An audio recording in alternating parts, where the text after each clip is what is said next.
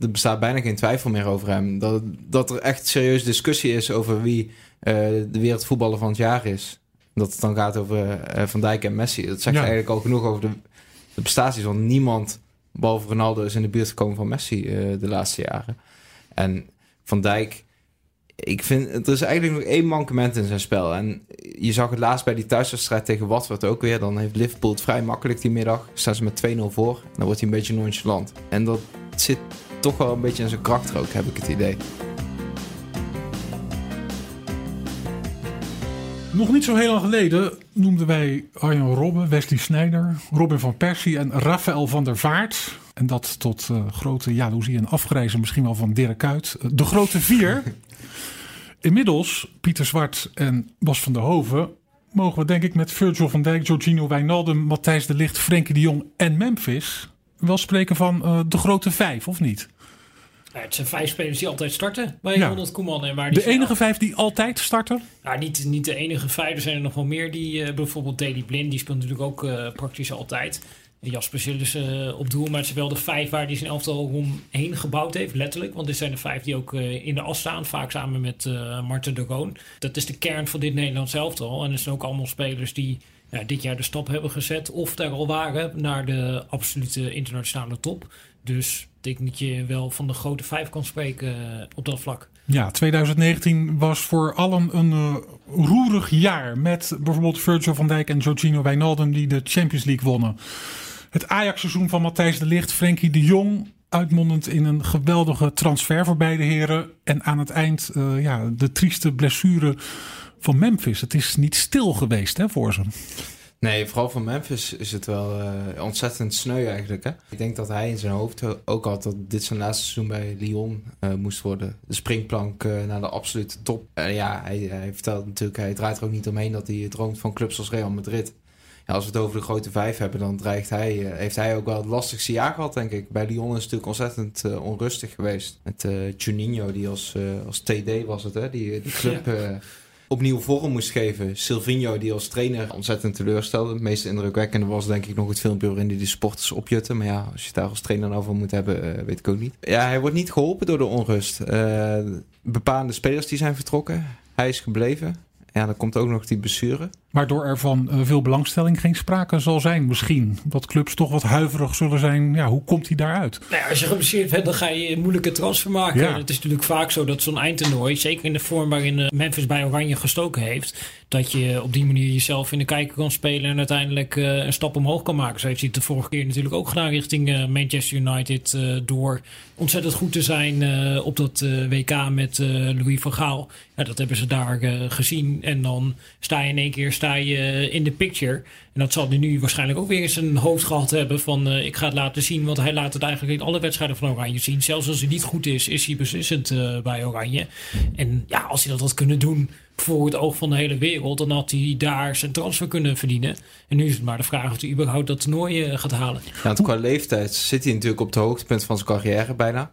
Hij mist niet alleen een eindtoernooi, zoals het er nou uitziet. Maar ook twee transferperiodes. Ja. Want hij kan natuurlijk zich nooit meer echt uh, op en top in de kijker spelen voor uh, komende zomer ook uh, de transfermarkt. Hoe anders wordt het voor Koeman zonder Memphis? Die toch wel een unieke aanvaller is in het gezelschap aanvallers dat we hebben. Ja, heel anders. Kijk, hij heeft geen gelijkwaardige alternatief nee. voor Memphis. En dat bleek eigenlijk ook al natuurlijk tijdens de Nations League. Toen Oranje nou, in de halve finale uiteindelijk nog wel doorkwam. Maar in de finale tegen Portugal, toen dat voorsprong ging verdedigen, dat ja, er eigenlijk geen andere aanvaller was dan Memphis die iets kon forceren. En dat Memphis, die had het een dagje, een keertje niet. Eigenlijk uh, voor het eerst is lange tijd uh, bij Oranje dat hij het een dagje niet had. En dan was er niks meer voor Oranje. Dat was ook wat Koeman na die wedstrijd constateerde. Van ja, we zijn wel heel erg afhankelijk uh, van Memphis. Ik geloof ook dat als je naar de statistieken gaat kijken... dat in de Interlands onder Koeman dat Memphis bij meer dan de helft van de doelpunten betrokken is. Dus ja, ze zijn extreem afhankelijk van hem. Ook bij spelervattingen bijvoorbeeld, waar ook veel doelpunten uitgemaakt zijn. Omdat hij gewoon een hele vaste trap daar heeft. En dat zijn allemaal dingen die nu gemist worden. En je kunt het niet gelijkwaardig opvangen. Dus uh, Koeman moet gaan uh, puzzelen. En hij moet gaan kijken van nou, hoe kan ik het uh, dan oplossen om uiteindelijk uh, toch weer succesvol te zijn. En wat dat betreft heeft hij in deze periode al aangetoond dat hij pragmatisch is. En dat hij kijkt naar zijn materiaal en dat hij vervolgens daar uh, het elftal naar formeert. Ja, hoe zou dat eruit kunnen zien dan? Nou ja, kijk, je kunt je in dit geval voorstellen dat hij toch weer een keertje gaat proberen wat hij in het begin geprobeerd heeft uh, om 5-3-2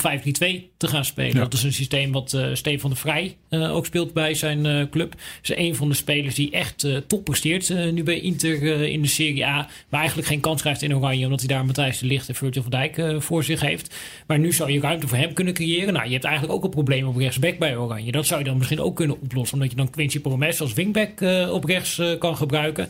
Ja, dan heb je nog maar twee spitsen nodig. Dan kun je ook een bewegelijk type als Bergwijn laten spelen rondom een aanspeelpunt. Of dat dan een Babel is, of dat dat dan bijvoorbeeld Luc de Jong zou zijn. Nou, dan los je misschien wat problemen op. Maar dit is natuurlijk uh, in theorie. En ik denk dat dit een van de opties is die Koeman in de praktijk ook nog een keertje zou willen proberen. Dan wel in de training, dan wel in, een van de oefenwedstrijden in maart. Zijn er andere oplossingen waar nog niet iedereen aan denkt? Ik las onlangs een column van Willem van Hanegem bijvoorbeeld. Die uh, opperde de Zirkzee van Bayern.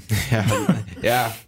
Ja, je gaat er natuurlijk Misschien wel... opportunistisch, hè? Na twee keer gescoord te hebben, maar... Ja, kijkend naar Bayern en je ziet hem scoren... dan ga je natuurlijk wel aan denken... omdat uh, Memphis geblesseerd is weggevallen. Maar het lijkt me wel erg opportunistisch, hoor. Ja. Het is eigenlijk onmogelijk, lijkt me. Ja.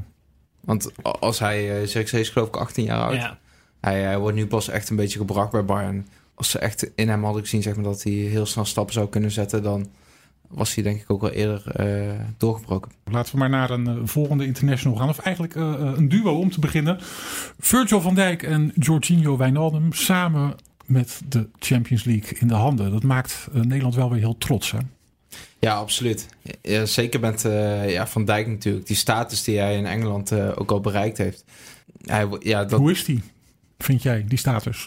Ja, weergeloos. Ja? Er, er, bestaat bijna geen twijfel meer over hem. Dat, dat er echt serieus discussie is over wie uh, de wereldvoetballer van het jaar is.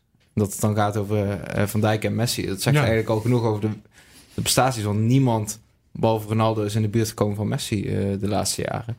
En Van Dijk ik vind, er is eigenlijk nog één mankement in zijn spel. En je zag het laatst bij die thuiswedstrijd tegen Watford ook weer. Dan heeft Liverpool het vrij makkelijk die middag. Staan ze met 2-0 voor. En dan wordt hij een beetje nonchalant. En dat zit toch wel een beetje in zijn kracht ook, heb ik het idee. Ja? Ja, Koeman heeft het daar volgens mij ook wel eens... Uh, Koeman heeft natuurlijk wel eens gezegd. Ik kan, uh, dat was volgens mij nog in 2018 dat ja, uh, Giroud scoorde tegen Frankrijk. Dat hij Giroud voor zich liet komen. Heeft hij dat nog steeds, nu nou we ruim een jaar verder zijn? Hij kan met zijn uh, kracht en klasse kan natuurlijk heel veel compenseren. Ramos heeft dat ook. Die kunnen een soort superhelden acties maken. Alleen daardoor is denk ik ook wel een beetje de valkuil dat je af en toe iets te ver vanaf gaat staan. Of dat je denkt van, oh, ik los er nog wel op. En dat zie je bij Van Dijk wel vaak terug. Is het uh, bijzonder eigenlijk dat een verdediger ja, echt tot de elite van beste voetballers in de Premier League en ook gewoon op wereldtoneel hoort? Het gebeurt niet vaak, hè? Nee, gebeurt niet vaak. Ik denk dat we kan vaak allemaal nog, ja, nog wel kunnen herinneren naar dat uh, goede WK dat hij uh, ook op het schild gehesen werd. Maar dat was ook een beetje bij gebrek aan alternatieven. En bij Liverpool is dat er natuurlijk niet. Nee. Want je hebt daar voorin met Sadio Mane, Mohamed Salah en Roberto Firmino ook drie spelers staan die in principe allemaal de status zouden kunnen hebben van nou, wereldster die hier in één adem genoemd wordt uh, met Lionel Messi en met uh, Cristiano Ronaldo. En toch is dat Virgil van Dijk. En heeft denk ik ook wat te maken met dat het moment waarop Van Dijk binnenkwam, dat dat ook een beetje een moment was waarop Liverpool net die laatste stap zette van uh, heel goed naar echt top top. En hij is daar een soort van de vertegenwoordiging van geworden van dit Liverpool. En ze haalden natuurlijk meteen de Champions League uh, finale in zijn eerste jaar. Nou, die werd nog op pijnlijke wijze uh, verloren. En een jaar daarna flikkers het opnieuw en winnen ze hem dit keer wel. En pakken ze ook enorm veel punten in de Premier League. Nou, toen was City nog beter. Maar nu hebben ze straatlengte voorsprong te pakken. WK voor clubs. Dat is allemaal samengevallen met de komst van Van Dijk. En sinds Van Dijk er is, lijken ook de verdedigers die naast hem staan... die lijken drie keer zo goed. Ja, precies. En dat dat vergroot zijn status denk ik ook wel. Want Liverpool is natuurlijk een bouwwerk geweest uh, van Klopp. Het voetbal was al lange tijd spectaculair. Maar Van Dijk is ook nog het laatste puzzelstukje geweest. Waardoor hij nog meer in het oog springt. Het is niet eens zo lang geleden dat Lovrenda vaak nog stond te schutteren centraal achterin met uh, Mignolet uh, achter hem.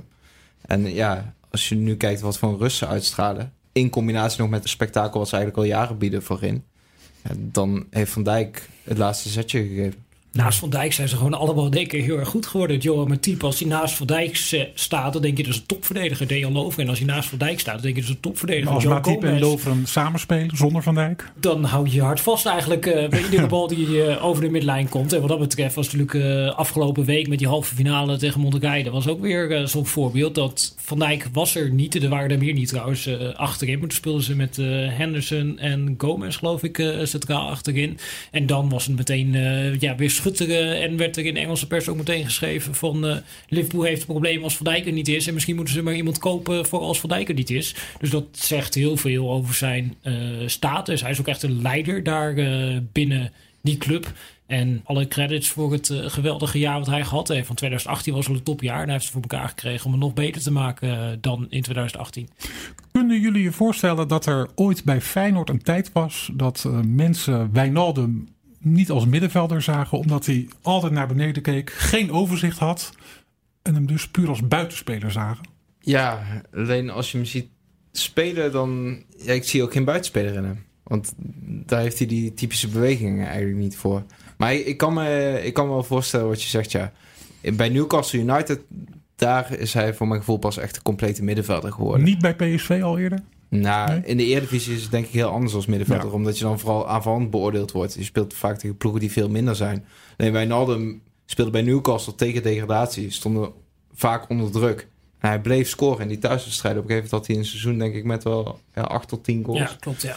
Als centrale middenvelder bij een degradatiekandidaat. Dat is natuurlijk wel waanzinnig. En het was niet zo dat hij verdedigend uh, verstek liet gaan. Dus daar is hij voor mijn gevoel pas echt een complete Premier League middenvelder geworden. En ja, hij is bij Liverpool geperfectioneerd. Ja. Wat, eigenlijk het knappe is bij Klopp, hè, want ze pikken ook heel veel jongens op bij mindere clubs. Robertson eh, bij Hull City, uh, daar zag hij ook al de potentie. Moest volgens wel een half jaar wennen, maar het wordt wel een topper. Wat is dan een typische uh, Klopp-voetballer? Een typische Klopp-voetballer? Ja. ik denk dat Wijnaldum een prototype is. Uh, en waar het uh, mee te maken heeft, is denk ik een aantal dingen. Eén is denk ik uh, tactische intelligentie en discipline vinden ze ontzettend belangrijk uh, bij Liverpool. Uh, als je met uh, die staf ook praat. ze willen gewoon dat de speler, als hij bepaalde taken krijgt, dat hij in staat is om het uit te voeren 90 minuten lang. Nou, dat is iets wat Wijnaldum kan. Heeft natuurlijk ook op het WK 2014 uh, al een keertje laten zien. Toen Van Gaal hem eigenlijk gebruikt als verdedigende middenvelder. Na een seizoen waarin hij toch wel veel blessures had gehad. En dat eigenlijk mensen dachten, goh, waarom gaat hij überhaupt mee? En dat hij dan vervolgens als verdedigend middenvelder, wat helemaal niet zijn plek is, blijkt in staat om gewoon 90 minuten lang uit te voeren wat Van Gaal van hem vraagt. En gewoon volledig vanuit de discipline te spelen. Wat jij inderdaad uh, net al aangaf. Ja, bijvoorbeeld vroeger bij Feyenoord, iedereen dacht, ja, dat kan die helemaal niet. En ook bij PSV toen nog een tijdje uh, op de zijkant geparkeerd uh, gestaan. En het tweede is eigenlijk met name creativiteit in die omschakelmomenten. Dus in chaotische situaties om dan toch je eruit te kunnen voetballen. En dat is ook iets wat Wijnaldum kan. Kijk, hij heeft altijd wel die creativiteit en die acties gehad. En nu speelt hij in een speelwijze waarin hij dat optimaal tot uiting kan brengen. Maar ik denk dat het grootste compliment wat hij kan krijgen is dat Klopp hem ook enorm vertrouwt als nummer 6. Ja. Wat een van de moeilijkste posities is in dat systeem. Omdat je eigenlijk ja, hun middenveld, uh, de verdediging en de voorhoede daar met elkaar moet verbinden. En eigenlijk niet mag lopen. Dus je moet eigenlijk continu in positie blijven om die zone voor die centrale verdedigers uh, te beschermen. Dat vraagt heel veel van je. Zeker als je, als, zoals Wijnaldum eigenlijk gewoon ja, op die bal wil jagen. Fabinho die had een half jaar nodig voordat uh, Klopp het aandurfde om hem daar neer te zetten. En Klopp die durft het met Wijnaldum wel aan om hem daar neer te zetten. En dan is hij ook in staat om ja, negen minuten lang eigenlijk geen balverlies te leiden. En braaf zijn taken uit te voeren. Dus dat laat wel zien ja, hoe compleet de voetballer Wijnaldum is geworden. En ik ben wel blij dat we nu ook een hele goede Wijnaldum zien in het Nederlands elftal. Ja. Waar hij juist de ruimte weer krijgt om in de 16 te komen. Wat hij bij Liverpool tegenwoordig een stuk minder kan. Wil je meer verdieping bij het voetbal? Ga dan naar vi.nl slash podcast en neem een abonnement. vi.nl slash podcast. Dat brengt ons denk ik gelijk bij uh, de vierde van de grote vijf. Uh, Frenkie de Jong. Want door zijn aanwezigheid kan Wijnaldum de voetballer zijn in oranje die iedereen graag ziet, toch?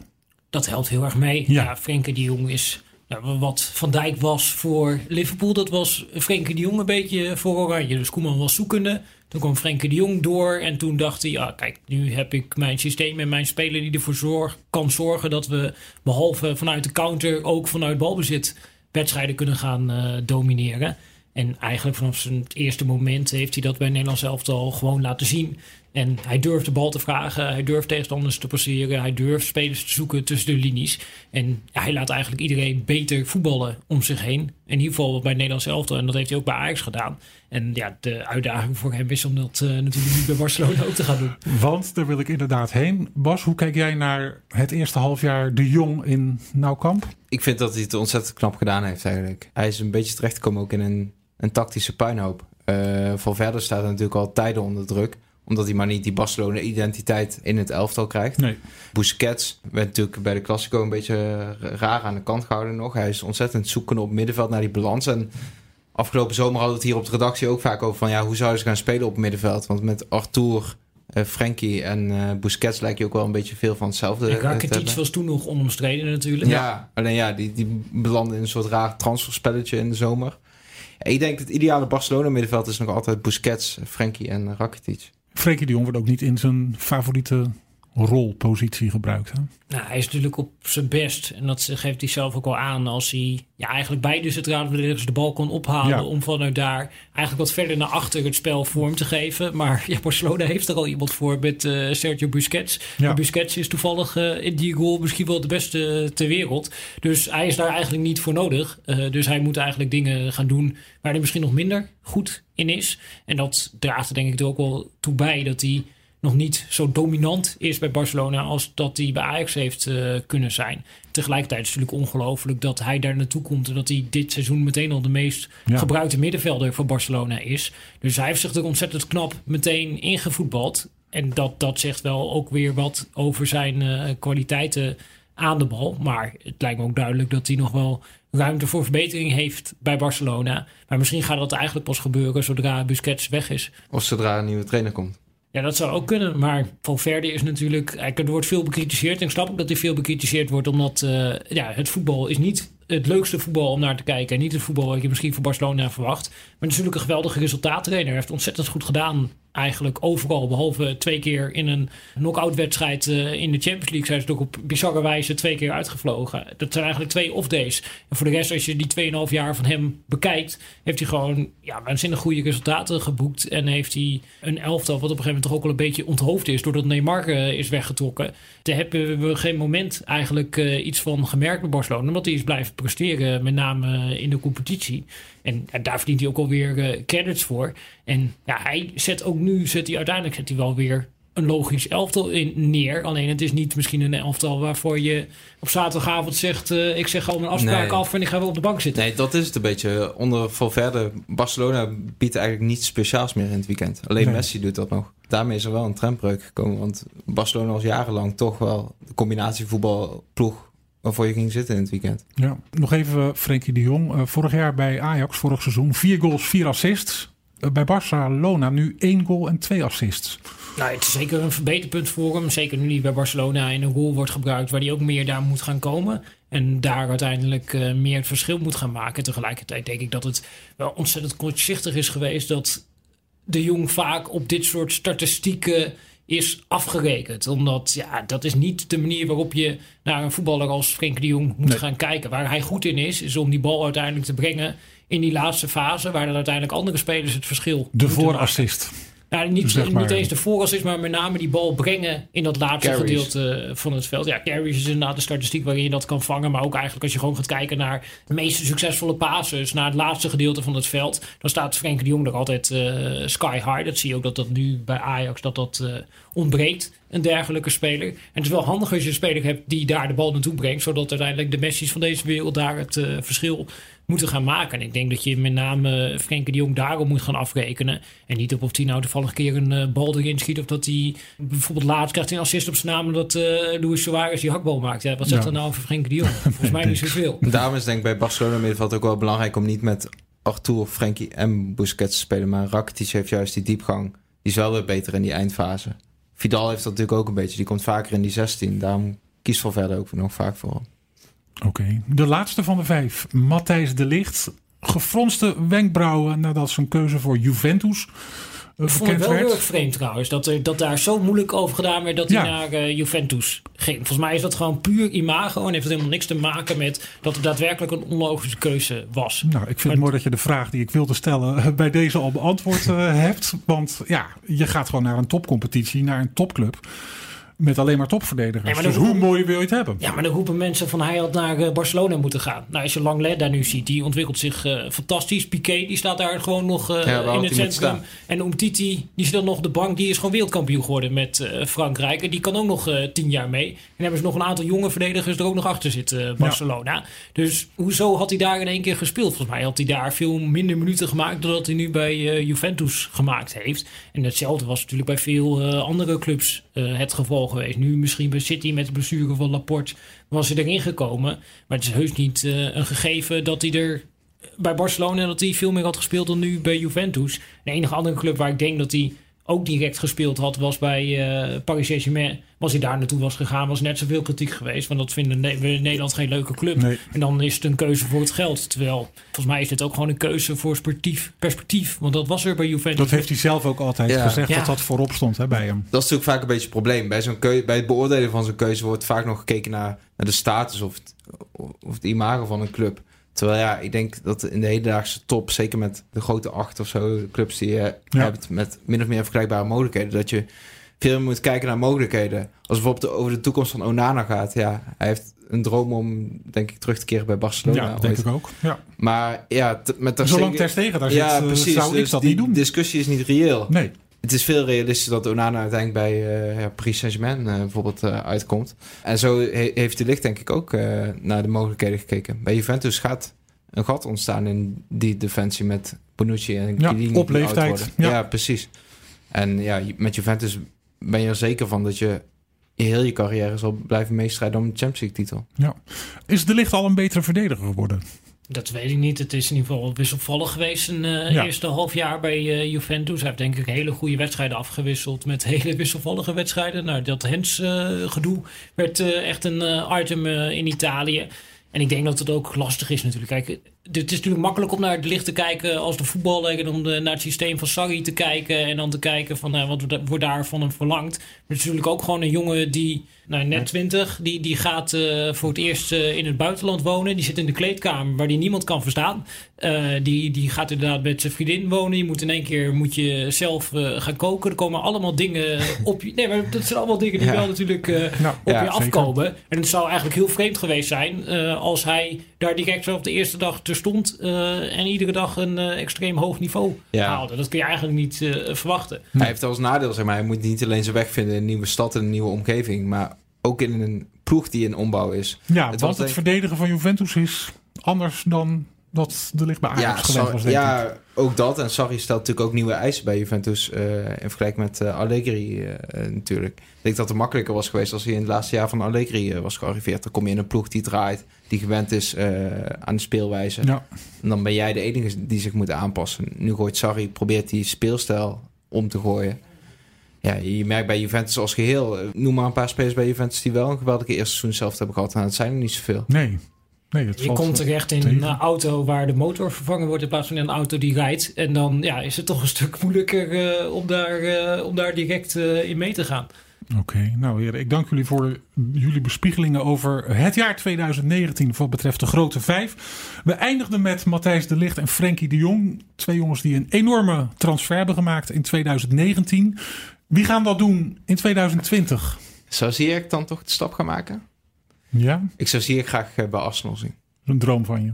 Eh, nou, ik- ik denk dat hij daar wel echt bepaald kan gaan worden. Daar liggen wel kansen in de Engelse top. Waarom eh, speelt Ziyech nog in Nederland? Even afgezien van het feit dat hij dat zelf eh, wil. Ja, nu zijn een heel ander eh, topic eh, aan. Ik denk dat we daar ook nog lang over Zeker. kunnen, kunnen praten. Maar ik denk dat het... Kijk, het voornaamste van Ziyech is natuurlijk dat... Hij leidt gewoon nog ontzettend veel balverlies. Deels is dat zijn kracht. En deels is dat ook zijn zwakte omdat ja, er zijn andere spelers bij de absolute topclubs... die eigenlijk een vergelijkbaar rendement halen als Ziyech... maar die dat doen op een manier die net wat gedisciplineerder is dan dat Ziyech het doet. En eigenlijk ga je Ziyech alleen maar halen als je je hele elftal om hem heen kan bouwen. Eigenlijk kan je misschien een beetje vergelijken met de situatie van Özil nu bij Arsenal. Het is evident dat het een ontzettend goede voetballer is. En dat je eigenlijk je elftal om hem heen zou moeten bouwen. Maar ja, dat is toch lastig uh, bij een uh, topclub om dat op die manier uh, te doen. En als je nu bij City ziet dat zo'n Mares, die ook gewoon een waanzinnig rendement heeft. Dus hier ja. afgelopen week zie je die weer schitteren. Kijk, Mares, als het echt erom gaat, zit hij vaak gewoon op de bank. Kun je als Ziyech daar neerzetten en dat hij daar in één keer in de basis staat. Ik denk dat dat... dat Mares-argument is ook wel een beetje simpel. Hè? Iedere keer als Mares even een mindere wedstrijd speelt, wordt zegt van... Kijk naar die Mares.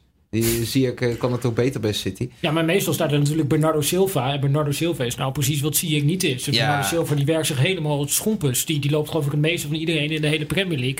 En, dat is dan de buitenspeler. Ja, dat is een beetje wat daar voor jou verwacht wordt. En, hij pakt nu heel veel ballen af, zie ik. Maar hij raakt er ook heel veel kwijt. En die vergelijking is ook een beetje simpel. Hè? Omdat ze allebei linksbenig zijn. Van Noord-Afrikaanse afkomst. Ja. ja, het is ook een buitenspeler versus een middenvelder natuurlijk, ja, uh, Ziyech. Dus, uh, In principe lijken ze eigenlijk helemaal niet zo op elkaar als spelers. Oké, okay, Ziyech naar Arsenal. Is een transfer die jij wel ziet zitten, Pieter? Nou ja, ik denk als we Ziyech toch willen wegsturen, dan... Uh... Nou, liever niet hoor, eerlijk gezegd. Nee, Want ik vind het echt... Uh, voor mij mag hij jaren in de Eredivisie blijven. Maar dat is denk ik niet reëel. Nee, maar ik kan bijvoorbeeld uh, Spurs ook wel een interessante vinden voor hem als Eriksen daar bijvoorbeeld uh, weggaat uh, voor Ziyech. En ik zou voor Bergwijn ook wel interessant vinden als hij een stap kan maken. In een PSV dat heel wisselvallig is, is hij de enige eigenlijk die een constant hoog niveau haalt. En ja, daarmee laat hij wel zien dat hij nou ja, ontzettend veelzijdig is. Kan natuurlijk op meerdere plekken voorin uit de voeten. En ik zou wel heel erg benieuwd zijn hoe hij zich staande houdt in een internationale topcompetitie. We gaan het zien. Bas en Pieter, dank jullie. Geen dank.